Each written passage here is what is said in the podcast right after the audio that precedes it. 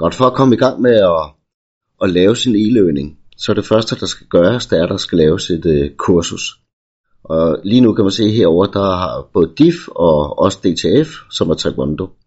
Um, og I vil sandsynligvis kun kunne se uh, Dansk Taekwondo Forbund, og det eneste I kan se, det er en template.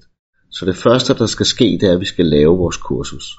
Så man stiller sig på Taekwondo-delen, så du går op i filer, create course, så skal du give det et navn, og så skal du vælge Taekwondo her, og du vil sandsynligvis kun kunne se Taekwondo. Så kan du vælge, om du vil bruge en template. Øhm, og du kan vælge at bruge en øh, blank template, det vil sige, der er ingenting, så kører du bare derud af.